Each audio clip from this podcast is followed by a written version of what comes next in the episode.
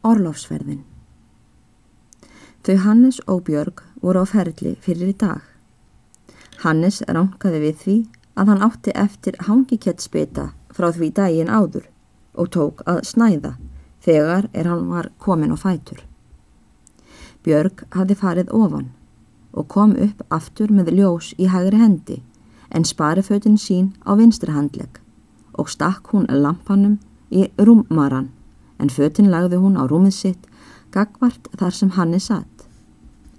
Hún hafði valið til þessarar ferðar bestu klæfin sem hún átti til því hún ætlaði sér eflaust að geðjast augum Hannesar.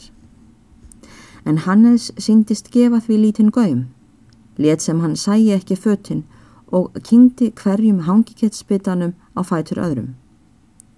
Björg vek sér að honum og sagði hljóðlega. Blessaður Hannes, reyndu að borða. Síðan ytti hún hægt við handlegnum á honum og mælti mjög látt. Það er ekki verðt fyrir þig að vera að skila þessari bitavellu aftur.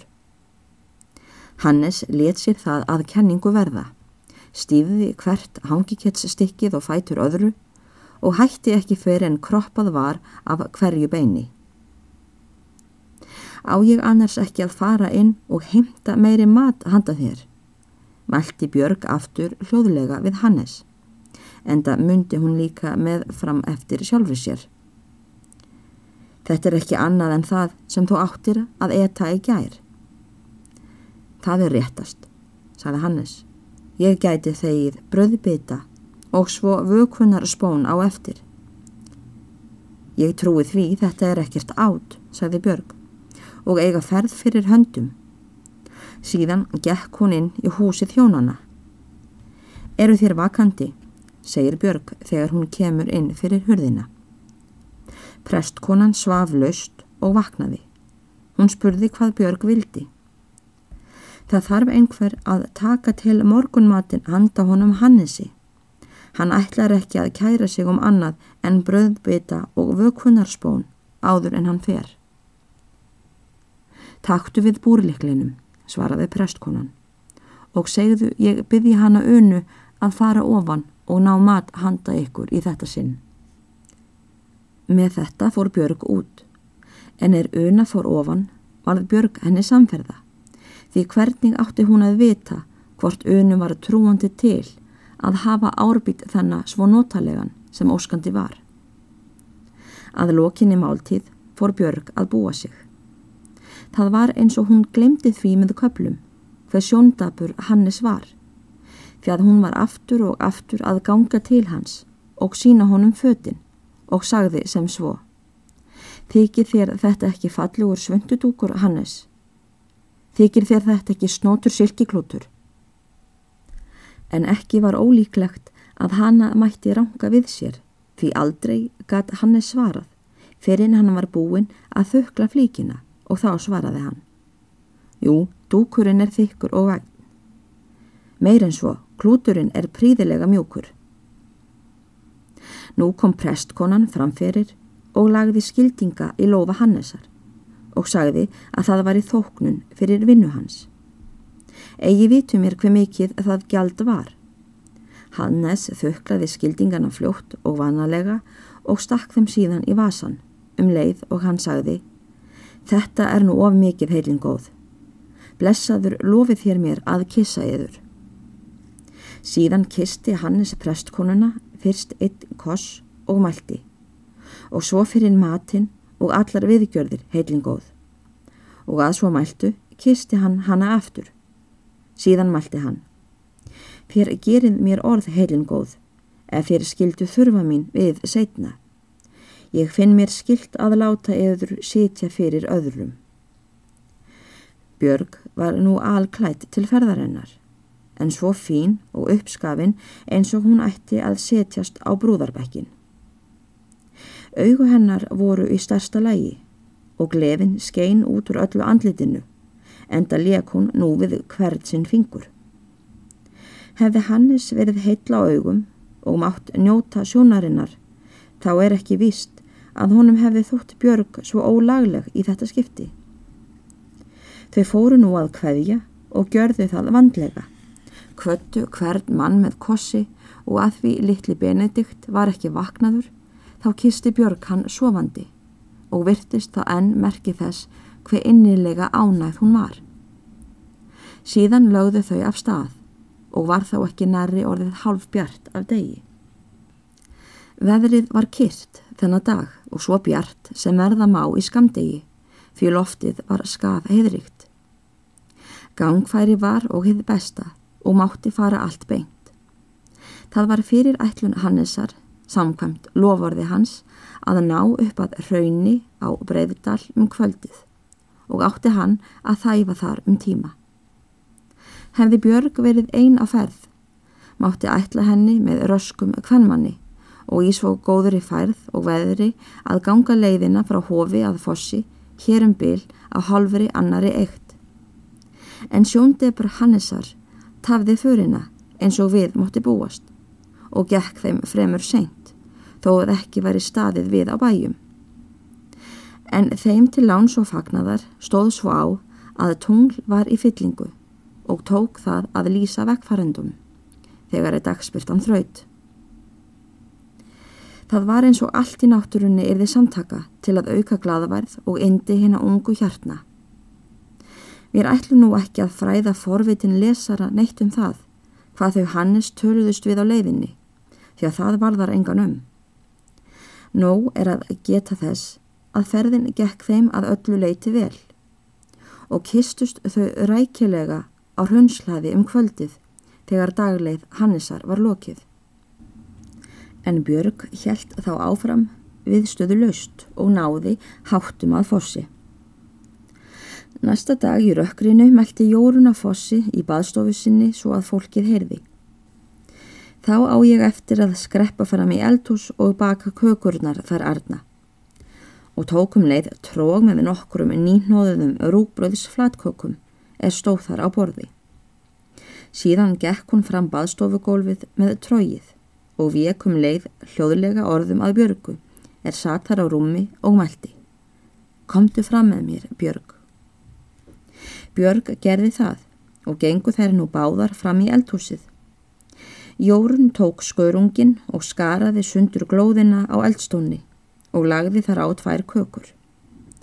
Tók því næst lóklausan kassa sem stóð í eldhúsinu, kvoldi honum og settist niður, en Björg settist á kollubott anspænis.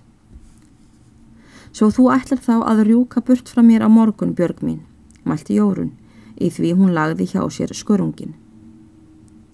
Mér þykir þetta nokkuð snubbótt að koma, að vera ein, einasta dag um kyrt, úr því þér var leift að fara á annað borð. Það var nú ekki að nefna að ég fengi að vera lengur, svaraði Björg. Hún ætlaði varðla að þást til að lofa mér einu sinni. Svo, sagði Jórun með löngum seim. Og ekki var hún heldur lengi að slá varanaglan við því að ég bæði hana aftur, mælti Björg. Hún svo sem sagðist ekki ætla að lofa mér tíðara á þessu metri. Það kann nú að vera, svaraði Jórun. Það er vist mesta vinnukerkja í henni. Ég trúi hún sé líka að því bergi brotin að það segir sem til þekkir. Jæja Björg mín, bætti Jórun við og tók nú skörungin í hönd sér. Þetta var ég búin að segja þér, að þú myndir ekki verða öllu ánagðari á hofi en hjá mér, þó illt væri. Og snýri nú Jórun og kökunum sem á glóðinni lágu. Já Jórun mín, ef þú vissir það allt saman eins og það er, mælti Björg. Það er það dauðvasta heimili, heilin mín, sem ég hef nokkur tíma verið á sagði hún og hristu höfuðið. Ég get ekki sagt að ég hafi lifað þar nokkra stund glada nema þessa daga sem hann Hannes var þar. Nú, hann er skemmtilegur karlinn. Það má nú segja, svaraði Björg. Það er skaði með þann mann að hann skulu ekki hafa sjónina. Hann er svo skemmtilegur og svo er hann svo vel að sér. Það er eins og lærður maður. Hann kann sögur út um alla heima og geima. Það var eins og annað heimili á hofi á meðan hann stóð þar við. En Jórun, sem fremur var heima í hennu búskaparlega en sögulega, fór ekki lengra út í þessu sálma en mælti við Björgu. Var hann látin þæfa mikið? Og sveið því, svaraði Björg. Það var ekki til. Það var nokkuð af prjónaflíkum, peysur og þess aftar.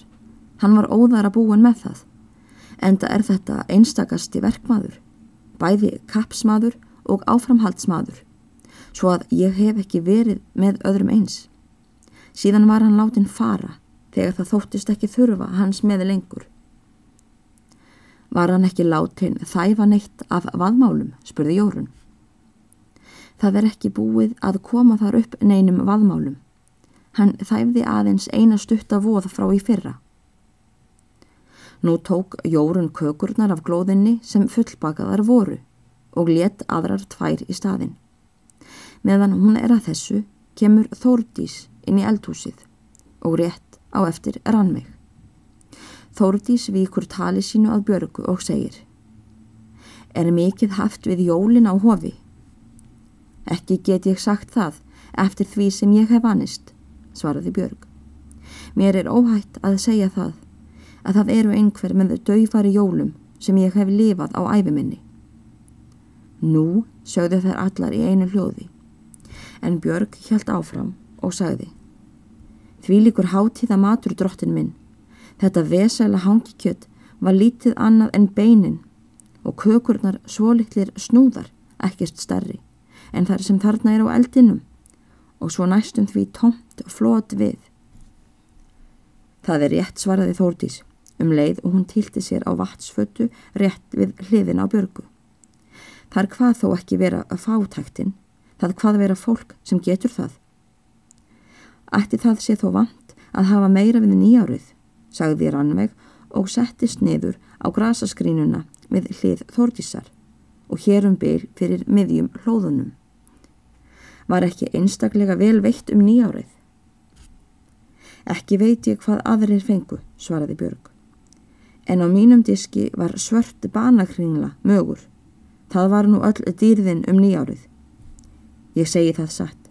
Ég vissi ekki hvort ég átti að geta hana eða ekki, sagði Björg í svo armæðulegum róm að þær þórtís og rannveg gáttu ekki stilt sig um að brosa. Þú hefur þó ekki farið að fleia banakringlunni, sagði rannveg hálf flæjandi. Þó ég gerði það ekki, svaraði Björg að því blessaður maturinn átti hlut, þá gerði ég það ekki. En mér brá mikið við það hérðan frá fossi og segi ég það ekki að því hún Jórun heyri til.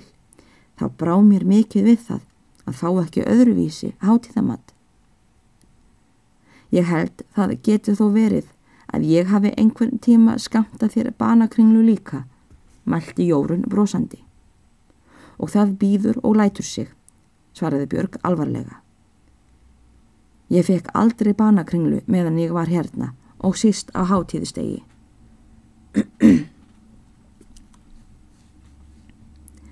Jórun hafði nú hlustað með aðtikli á viðræður stúlknana.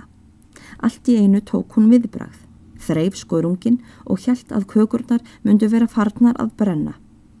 Á sveipstundu snýri hún þeim við og tók þá eftir að önnur þeirra var brunnin í röndina.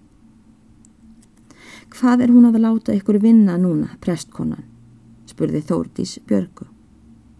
Það er nú sínu sinni hvað, ansaði Björg. Yngiríður er að spinna í voð, Sólvig er með svöndudúk, Una er neðri við og ég trúi það sé pókaverk sem ég er með. Hvað ætli hún eigi að vera laung þessi voð sem Yngiríður er með, spurði Jórun. 50 álunir segir það. En svöndudúkurinn, spurði Rannveig, eitthvað um þrjáttíu. Er voðin langt komin, spurði Jórun. Það væri nú annað hvort eða ekki, svaraði Björg. Stúlkan sem alltaf setur við. Ó já, mælti Þórtís. Það kann nú að vera. Það munu ekki vera slegin vindtökin á því heimilinu. Kemur hún oft fram fyrir til ykkar, spurði Rannveig. Það held ég, svaraði Björg. Ekki vantar það. Nógu oft er hún á ferðinni. Er hún þá að finna við ykkur? Til er það, svaraði Björg, en ég gef henni nú góð orð og gild þegar hún er að finna að við mig.